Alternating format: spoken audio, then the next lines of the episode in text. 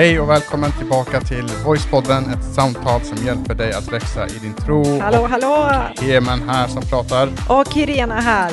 Eh, och det här är avsnitt fyra i det här stora temat som vi har som heter Den röda tråden och så är det del två i det här liksom, ämnet innanför det här.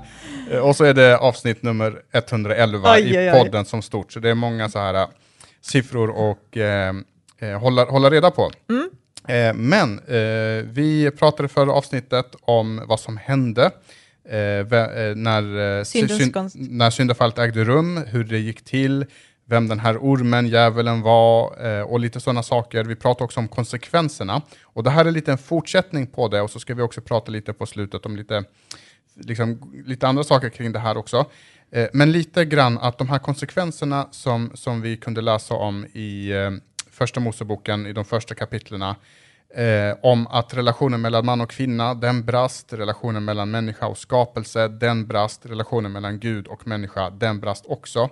Att det här var bara, eh, vad ska man säga, kan man säga eh, toppen av ett isberg? För Det kan man säga. Eller, eller, eller, eller kan man säga att, att nu efter de här kommande kapitel så får vi se konsekvenserna av de här tre sakerna. Så kan man säga. Så kan man absolut säga, för att det är ju konsekvenser inte bara för Adam och Eva som individer, utan det här är eh, mänsklighetens konsekvens, generation efter generation. Och det är så lätt att man ibland liksom, ja men eh, du vet, kasta skit på Adam och Eva och bara, ja men de kunde ha tänkt bättre, jag hade valt det här och det här. Men även vi har valt bort liksom ibland Gud, även vi har synd i våra liv, även vi liksom Eh, det, det har varit en konsekvens sedan dess, som sagt. Eh, men, eh, men i kapitel 4 till kapitel 11 ska vi prata om. Men en grej som jag tror dyker upp är just det här, Gud är ju så stor, han är mäktig, han vet allt, ser allt. Och samtidigt har vi fått den här fria viljan. Är det verkligen en fri vilja med tanke på hur katastrofalt allt blev. Visste inte Gud om att det skulle gå åt det här hållet och ändå så lät han det vara på något sätt. Eh, det är kanske en sån här knepig fråga som man kanske inte kommer förbi i, i det här eh, skedet som vi pratar om nu. Ja, eller för vissa. eh, Jag tror inte att alla går runt och... Nej, men för, för den som hade den tanken så hjälper jag till här. Ja. Nej, men jag tror att det, fin- det finns vissa kretsar, eh, och de inte, jag vet inte om de är, hur stora de är, men jag vet att det finns vissa kretsar inom kristendomen som tror just det att nej, människan har inte alls fått en frivilja. Och beviset på det är bland annat de här sakerna som vi ser, och så är det några texter i Nya Testamentet också. Och det man res- resonerar lite grann, det, det var att Gud, alltså, Gud är så allsmäktig, så det är han som har styrt och ställt här lite grann. Han ville få till att det här skulle hända. Han ville få till att människan skulle fall- falla så att Jesus kunde komma och rädda. Eh, och, och han har liksom orkestrerat allt det här, för vi, vi ser ju hur, hur det hade gått. Och hade Gud inte velat att det skulle gå till så här så hade han kunnat förhindra det på något sätt. Men grejen är att eh, det stämmer inte alls, för att eh, det går inte att förena, än en gång, kärlek, ansvarsutkrävande med eh, liksom inte frivilliga. Eh, För programmering. för programmering, vad Ja. nu motsatsen är. Ja. Eh, för man måste ha frivilliga för att kärlek och eh, moraliskt liksom, ansvarsutkrävande ska kunna eh, existera. Sen är det också så här att bara för att Gud visste att någonting skulle ske, betyder inte att det är han som har bestämt att det skulle ske. Så till exempel om vi är ute och leker och vi sitter i en park och sen så säger vi, våran, och så säger vi till våran dotter, klättra inte upp i trädet, för om du gör det så kan du ramla och slå dig. Och så eh, sitter vi där och vi dricker vårt kaffe och så, dryck, så klättrar hon upp i trädet och så ramlar hon och slår sig. Alltså, hon hade en fri vilja, hon fick göra precis vad hon vill. Hon kunde låta bli att klättra upp i trädet och så kunde hon klättra upp i trädet. Och så ramlade hon och så blev det som vi hade sagt. Men bara för att vi kunde förutspå att det här var ett dåligt beslut betyder inte att det var vi som bestämde att det skulle ske. Så, så, så allsmäktiga är vi inte liksom att vi kan Nej. bestämma en sån sak. Så, så tänker jag eh, lite kring, kring det här, att det är inte samma sak att bara för att Gud vet att någonting ska hända, att det är han som har bestämt det. Eh, eh, jag brukar ha det här eh, experimentet, typ att Gud vet att jag kommer säga ett om en liten stund, så då säger jag två istället. Eh, men Gud visste att jag skulle tro, tänka att Gud sk- skulle eh, att jag skulle säga ett och, och, och uh, han visste också att jag därför skulle ändra mig och säga två, därför säger jag tre och så fortsätter Ja, det så här. Så bara för att Gud vet som sagt, jag har en frivilliga, jag kan Mm. göra vad jag vill, men Gud vet vilka beslut jag kommer att ta. Mm. Och därför så snarare kan man se det så här, det var ingen chock för Gud att syndafallet ägde rum. Det var Nej. liksom inte, åh nej, det blev inte som vi hade tänkt, vad ska vi ta oss till, men hjälp. Mm. Det var inte liksom inte den, Nej, men precis, och det kommer vi se från början där att Gud hade liksom, eh, han var inte stressad, utan han skulle se till att hans plan från alla början kommer att bli av. Liksom. Och det är det vi kommer se över den här röda tråden med Guds rike som etableras, folket som, han, folket som väljer att ha honom, som lever under hans styre eller rådande och där det finns välsignelse och beskydd och så. Och det är lite det som är de här huvud, liksom, tre kategorier som vi kommer liksom se, se genom hela den här röda tråden. Eh, och jag tycker det är viktigt att man lyfter fram det där, för att det kan ju också bli väldigt mycket, tänker jag, om man hamnar i den där kategorin och tänker allt är förutbestämt, då blir det väldigt mycket också så här, äh, men jag har inget eget ansvar heller, utan man sätt, sitter lite i armarna i kors och det som sker, det sker. Och det Eh. där är väldigt farligt ur ett annat perspektiv och det är kring evangelisation. För om det är så att alla som blir frälsta eller börjar tro på Jesus och alla som inte gör det, att alla är förbestämda till det ena eller det andra, då kan, då, då, då finns det, då kan vi bara, då, då är det helt onödigt att göra någonting för att påverka det åt ena hållet eller det andra, för då kommer vi motverka vad Gud har bestämt och vad Gud ville. Ja. Sen kan man, vet jag att man rent filosofiskt kan vrida och vända på det och anbrytas med det och säga att men bla bla bla vad det nu kan vara. Men, men jag tror att det där är väldigt farligt för att då, kan vi, då, då, då producerar det just det, det här resultatet. Det är inte upp till oss att få människor att eh, komma till tro, så därför så gör vi ingenting. Ja. Och därför kan du och jag, skulle du och jag kunna lägga ner den här podden, eh, därför så behöver vi inte bekymra oss, för Gud kommer ändå lösa, allting är redan förbestämt i hur liksom, det ska bli. Nej, men det är inget jag uppmuntrar till att tänka kring det där, eh, men vi går vidare. Kapitel 4 till kapitel 11 i Första Moseboken, där så beskrivs liksom i stora delar syndens och dödens utbredning. Man ser hur Gud agerar med dom mot den, det finns konsekvenser och det är liksom den här första perioden av mänsklighetens historia. Och jag tänker att vi behöver titta på och zooma ut och se konsekvenserna av just synden och syndafallet i flera olika delar. Så det första vi ser är redan i kapitel 4, alltså kapitlet efter bara att det här hände, så hände något fruktansvärt i mänsklighetens historia. Och vad som händer är att det första mordet sker i Bibeln. Dun, dun, dun, dun. Liksom så. Hemskt är det faktiskt.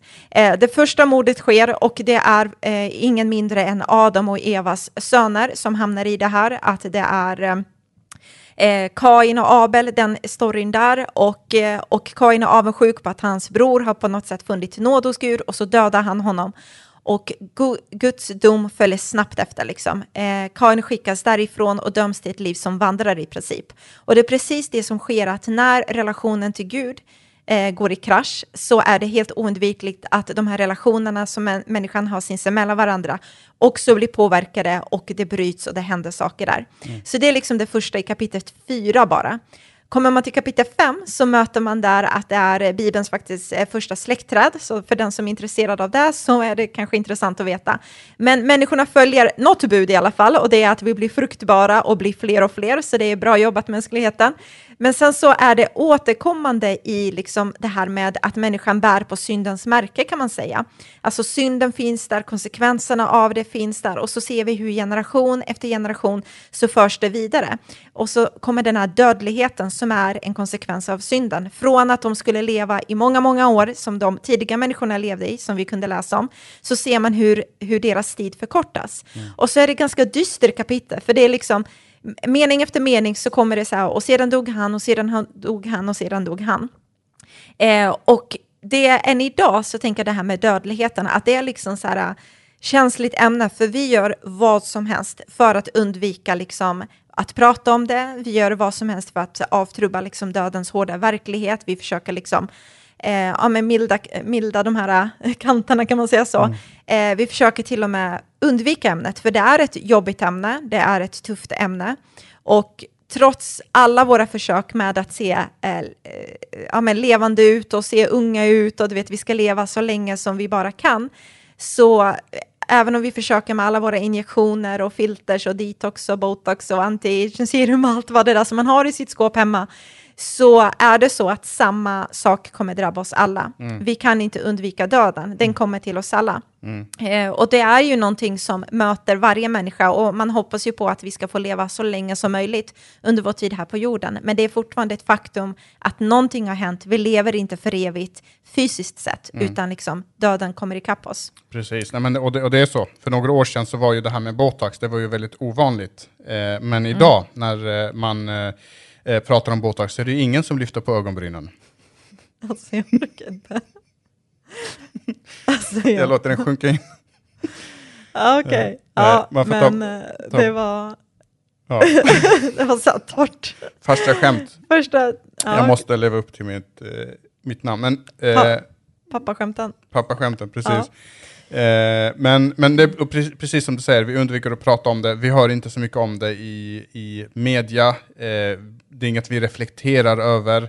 Eh, när man är ung så känner man sig näst, mer eller mindre odödlig. Ja. Eh, och, och, och, och, och så, alltså skulle någon upptäcka liksom, någonting som kan få oss att bli odödliga, då är det garanterat eh, ett eh, så här Nobelpris på det gånger tio. Alltså då, är man, då, då har man räddat mänskligheten i princip. Ehm, och, och det är det man ser, precis som du säger, det är det man ser som en av de största konsekvenserna i Bibeln, att människor börjar åldras. Från att de var eviga varelser så börjar vi bli äldre och vi dör i allt tidigare takt. M- eh, människor i de här kapitlen kunde leva väldigt mycket längre än människor lite, lite senare. Och det här har gått upp och ner under eh, eh, Första delen av 1900-talet så levde vi mycket kortare än vad vi lever nu på grund av att levnadsförhållandena är bättre. Men vi kommer, vi kommer liksom inte så mycket högre upp än 100 år ungefär. 100, 100, vissa lever några och rekordet ligger där runt 120 eller vad det nu Ja. eh, kan vara. Ja. Jo, men just dödligheten kommer i kappen, sjukdom kommer i kappen som är konsekvens av det. Och nu kommer vi in i kapitel 6 till 9. Och så har några generationer kommit och gått, men synden lever fortfarande kvar. Och så möts vi i Första Moseboken kapitel 6 av en ganska stark kommentar tycker jag från Gud, hur han ser på mänskligheten. Och så säger han så här från vers 5. Herren Gud såg vidden av den mänskliga ondskan på jorden och att människornas liv och tankar ständigt var alltigenom inriktade på det onda. Herren sörjde att han hade skapat dem och han var bedrövad i sitt hjärta. Och därför, eh, jag blir så här, nej vad hemskt liksom att Gud ser på oss på det sättet. Och det visar också på hur ondskan verkligen tog sin plats i våra hjärtan. Alltså våra tankar var inriktade på att göra det onda. Eh, och det är hemskt tillstånd att vara i. Mm. Och än en gång här så kommer det här med den fria viljan igen då. Varför sörjer Gud det han har skapat och varför blir han bedrövad i sitt hjärta om han nu visste att det här skulle hända? Ja men än en gång, bara för att jag vet att min dotter kommer ramla från ett träd och bryta benet och jag måste vara på akuten med henne i eh, he- hela natten, så, så, eh, så, så är det inte så att jag inte reagerar. Alltså Gud är ju en person som har känslor och tankar och det är därför det här finns med. Så det här säger ingenting om, om liksom det ena eller det andra, utan det visar bara att Gud eh, älskar människan så mycket och det eh, krossade hans hjärta när Ja. han såg vad som hände på jorden.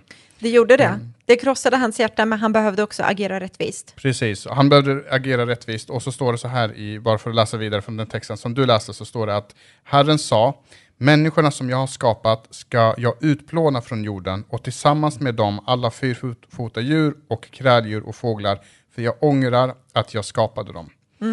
Eh, och det här är väldigt magstarkt. Det här är väldigt så här, det här är liksom höjdpunkten om man nu ska säga, eller så djupt som man bara kan komma i den här dramatiken, att Gud skulle säga en sån sak. Alltså det blev så illa, och då ska vi, då ska vi komma ihåg att anledningen till att Gud säger så, det är för att det har blivit så illa, det är så mycket mord, så mycket sexuell lössläppthet, så mycket våldtäkter, så mycket eh, elände, så mycket mörker, så att det ledde Gud till att säga de här sakerna. Så det var inte bara någon, någon enkel liten, liten, liten grej som, som ledde honom eh, dit. Och Gud ångrar inte på, sig på det här sättet i att oj, jag gjorde så här och så råkade det bli så här. Det här är en annan typ av ånger som handlar mer om en slags förkrosselse, en slags brustenhet över att, att det här inträffade. Så det är inte som sagt ånger i den bemärkelsen att Gud inte visste det skulle ske och nu ångrar han sig och så gjorde han, vill, vill han rätta till det och göra någonting annat. Nej, liksom. men precis. Och vad som händer är ju den här enorma översvämningen som man kan läsa om. Och den översvämning, översvämningen, det blir liksom som det blir följden av en fruktansvärd förstörelse för hela liksom, jorden. Eh, och vad som sker är att det blir nästan som en omvänd skapelse. Alltså den här uppdelningen mellan jord och vatten som Gud upprättar på den första skapelsedagen, det, blir, det upphävs helt. Och vad som blir nu är kaos som råder innan världen skapades, när vattnet återigen täcker hela jorden. Mm. Så det blir så här, som ett nytt blad fast ändå tillbaka till kaoset. Men i det så väljer Gud ändå, och vi ska prata om det här mer detaljerat nästa gång, men jag ger en liten sneak peek, mm. är att Gud i det här visar nåd. Mm. Och Gud bevarar en familj, eh, Noa och hans familj, och ett par av, eh, ett par av varje djurart genom den här översvämningen så att mänsklighetens och djurens historia fortsatte. Och jag ska inte berätta varför det är viktigt, utan du får faktiskt eh, hålla dig lite till nästa avsnitt. Varför det är viktigt att låta hela släktträdet gå och bli eh, bevarad genom liksom alla dessa, mm. genom hela Bibeln. Och, och, det, och det är det som är också grejen, genom hela Bibeln så ställs Gud inför flera sådana här moraliska dilemman, där han måste välja mellan pest eller kolera i princip. Och det här är ett sådant tillfälle, du vet när man, man har sett vissa filmer, de är ute, eh, det är eh, det är, eh, de, de har fastnat på någon bergstopp någonstans ja. och det är minusgrader, 30 minusgrader eller vad det nu kan vara och benet har frusit liksom och så måste de typ så här antingen så låter vi benet vara kvar och så ruttnar hela kroppen eller så måste vi amputera bort ja, benet. Jag älskar sådana att... filmer. okay. Alltså det, jag saknar sådana. Det var inte det så... som var effekten av det? nej, nej, men jag, jag, förstår vad du, din poäng är, men jag måste bara en liten. Alltså det var länge sedan vi såg en sån film. Mm. Väldigt länge sedan. Jag älskar sådana, du är ute i öken, det finns, du har liksom en liten vattenflaska med dig och så ska du typ så här, dricka ditt eget kiss och överleva. Och så, alltså jag älskar sådana filmer. Det är... Och så sitter man med popcorn och läsk och, har det supermysigt och tryggt. ja. Njuter av andras lidande. Nej. Men din poäng är att... Ja, men min, min poäng är att benet måste bort för att den här mm. människan, för att livet ska kunna fortsätta. Och det är precis det som händer här. Det här är ett steg som Gud måste ta för att mänskligheten ska kunna fortsätta med bättre förutsättningar. Ja. Och vi, vi kommer som sagt gå in, det finns en annan anledning också som vi kommer eh, gå in på. Det, det ska vi eh. göra, men tittar man till exempel i kapitel 11 mm. så ser man att synden fortsätter, Guds rättfärdiga svar på den också, han dömer och han agerar rättvist. Eh, men i kapitel 11 så kommer vi typ till den lägsta punkten hittills i alla fall, eh, och vi har knappt liksom kommit längre än kapitel 11. Eh, och då säger människorna stolt med att de bygger den här Babelstorn som man kan läsa om, man kanske har hört talas om det. Och så säger de lite så här, låt oss bygga en stad med ett torn som når upp till himlen och göra vårt namn känt, så att vi inte skingras över hela jorden. Och Babels torn kan man säga är en tydlig symbol för vår syndiga önskan, om man nu får säga så, eh, att upphöja oss själva och skapa liksom ett rike som är helt oberoende av Gud. Vi vill slås fria från Gud, vi vet vad som är bäst, vi tycker att det här är det bästa vägen för oss människor, vi kan ha det bra tillsammans och på det här så ser man hur Gud agerar direkt. Han mm. accepterar ja. inte liksom sån här arrogans. Nej, jag har ju varit kristen väldigt länge nu, är det, inte, 20 Sen år kanske? 19, ja. ja. Eh, och en sak har jag lärt mig om Gud, och det är att han delar aldrig äran med någon. Eh, vi såg att, eh, att eh, Gud kastar ner djävulen på grund av just det här. Och han ingriper här också, att när vi försöker bygga oss ett namn, göra oss lika Gud, så kommer Gud att, att, att, att, ehm, att agera. Mm. Eh, och, och, han gör det i, i det här så att alla människor blir utspridda över världen, man får olika språk, så nu är inte bara människan skild från Gud, utan nu blir vi också skilda från varandra. Det sätts murar liksom mm. mellan, mellan folk och, och folk. Eh, och, och, den här perfekta skapelsen som Gud liksom hade skapat är nu bara en avlägsen dröm. Det är bara ja. någonting vi kan liksom, eh, minnas tillbaka till hur fantastiskt det var. Och så ser man nu liksom syndens konsekvenser oerhört tydligt på många sätt och vis. Mm. Så vad som händer, vi lever inte längre i Guds eh, relation, eh, vi lever inte längre i hans närvaro, där han råder, vi har avvisats från den här trädgården, vi förkastar Guds styre och vi lever nu som om vi styrde världen. I princip, där är vi, mänskligheten. Och sen så vad som händer är att Gud fortsätter regera för att han är den enda som är stor och mäktig och regera, men han regerar och gensvarar med dom. Och det är därför vi upplever Gamla Testamentet väldigt mycket liksom kring det, att Gud bemöter synda, syndens konsekvens ganska direkt. Eh, som ett resultat av det här så får vi inte längre njuta av Guds välsignelse som han hade tänkt i början, utan istället så får vi se liksom förbannelse av det. Och allt det här är så sorgligt och allt det här perfekta har totalt förstört av vår fria vilja, av att vi vill liksom gå vår egen väg, kan man mm. förenkla det med. Och där kunde Bibeln ha slutat. Alltså egentligen, där kunde det bara, ja, det var det här som hände. Eh, och det finns, eh, om man nu ska hårdra det, så finns det egentligen ingen anledning till att Gud skulle göra någonting för att hjälpa oss, för att vi har ju gjort det här själva. Alltså han har inte orsakat det här, han har inte fått oss att vilja göra det här, utan det är helt vi själva.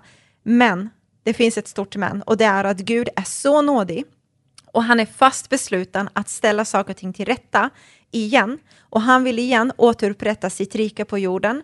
Och han är den som vill återföra ett folk till sig, som vill följa honom, som vill erkänna honom, som vill underordna sig honom.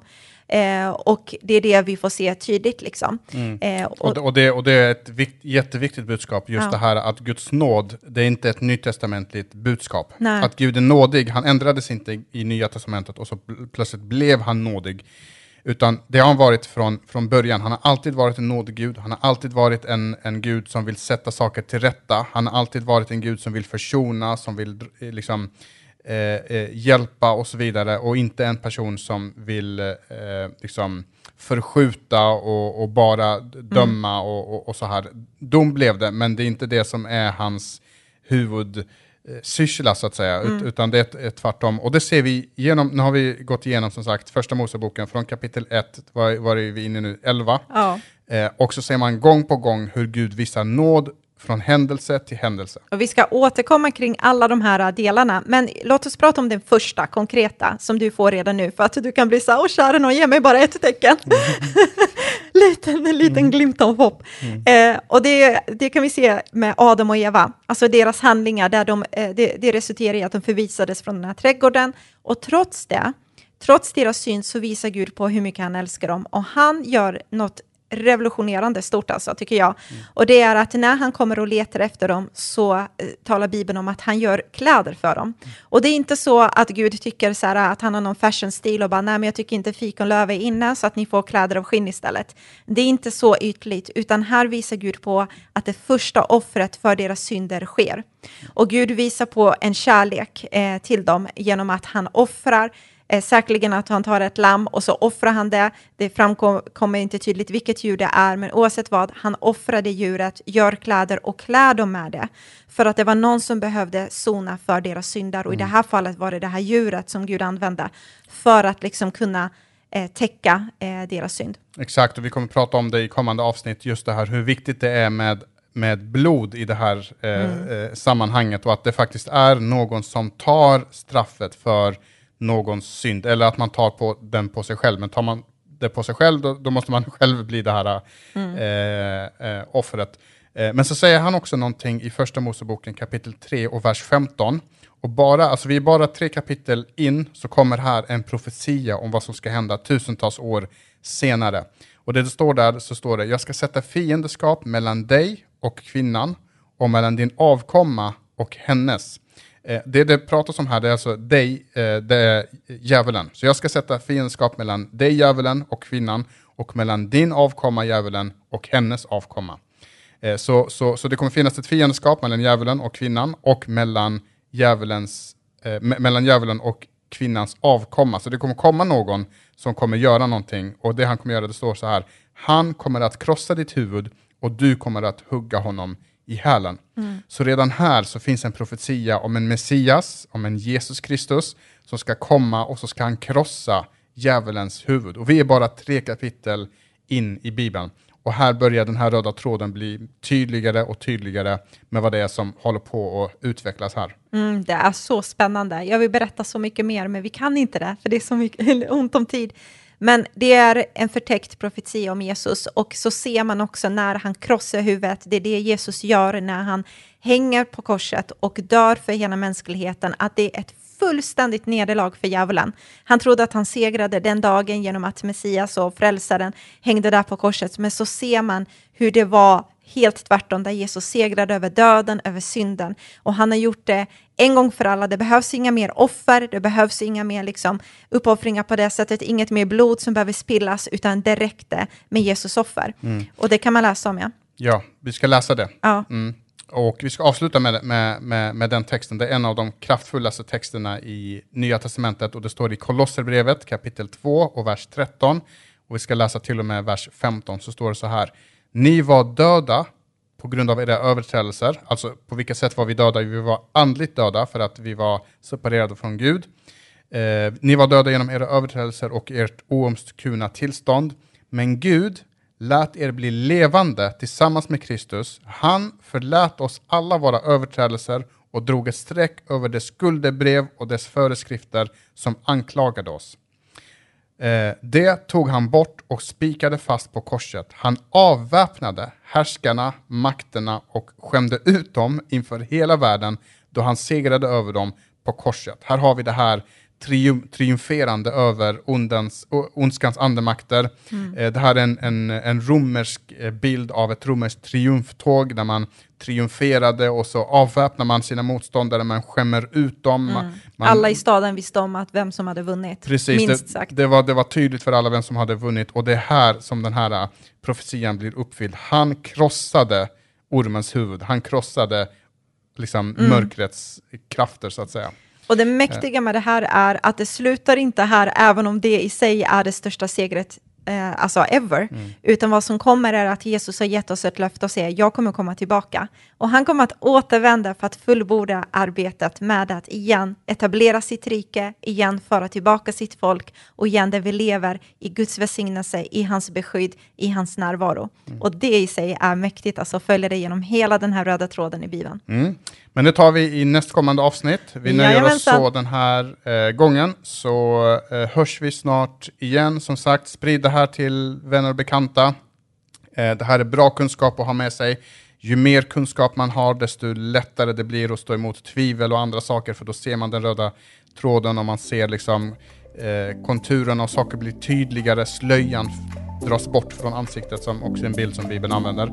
Eh, så dela det här eh, och hör av dig om det skulle vara några funderingar så säger vi tack för den här gången och ha en underbar vecka. Ha det fantastiskt, hej då på dig! Hej då!